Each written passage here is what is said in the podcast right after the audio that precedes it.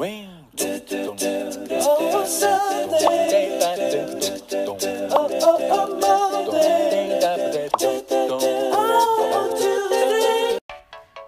semuanya, perkenalkan nama aku Sylvia Oleh Maharani, mahasiswa tingkat 2 jurusan promosi kesehatan Poltekkes Kemenkes Bandung.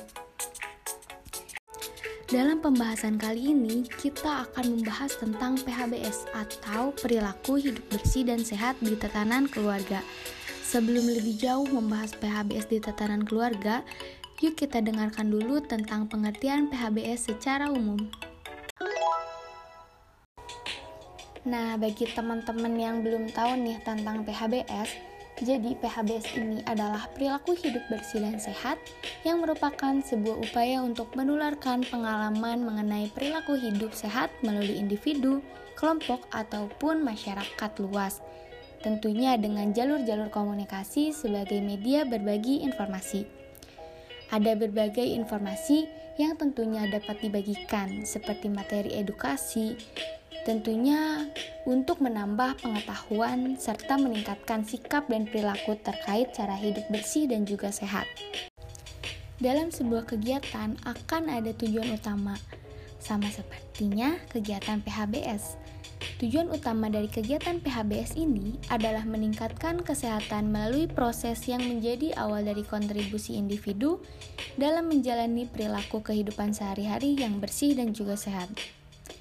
Tentunya PHBS ini punya manfaat sendiri, yaitu terciptanya masyarakat yang sadar akan kesehatan dan juga memiliki pengetahuan serta kesadaran untuk menjalani perilaku hidup yang menjaga kebersihan dan juga memenuhi standar kesehatan. Nah, gimana nih teman-teman? Kira-kira setelah mengetahui tujuan dan juga manfaat dari PHBS secara umum, dari kalian sendiri yang mendengarkan, apakah sudah terbayang untuk PHBS yang ada di tatanan keluarga?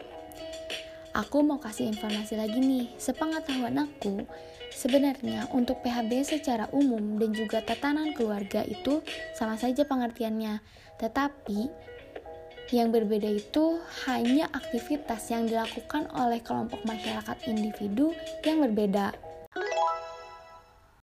indikator PHBS di tatanan rumah tangga. Yang pertama, ada persalinan ditolong oleh tenaga kesehatan.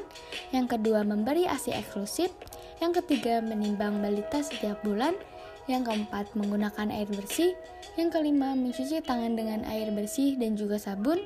Yang keenam, menggunakan jamban sehat. Yang ketujuh, memberantas jentik nyamuk rumah sekali dalam seminggu. Yang kedelapan, ada makan buah dan juga sayur setiap hari. Yang kesembilan, melakukan aktivitas fisik setiap hari. Dan juga yang terakhir, yaitu tidak merokok di dalam rumah. Nah, mungkin itu 10 indikator PHBS di tatanan rumah tangga yang harus kita ketahui dan juga harus kita praktekkan di dalam rumah masing-masing. Oke deh teman-teman, nggak kerasa kita sudah membahas tentang PHBS secara umum dan juga secara di tatanan keluarga.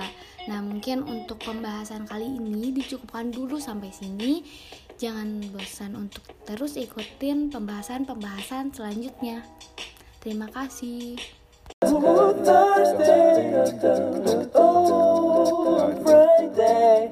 Saturday.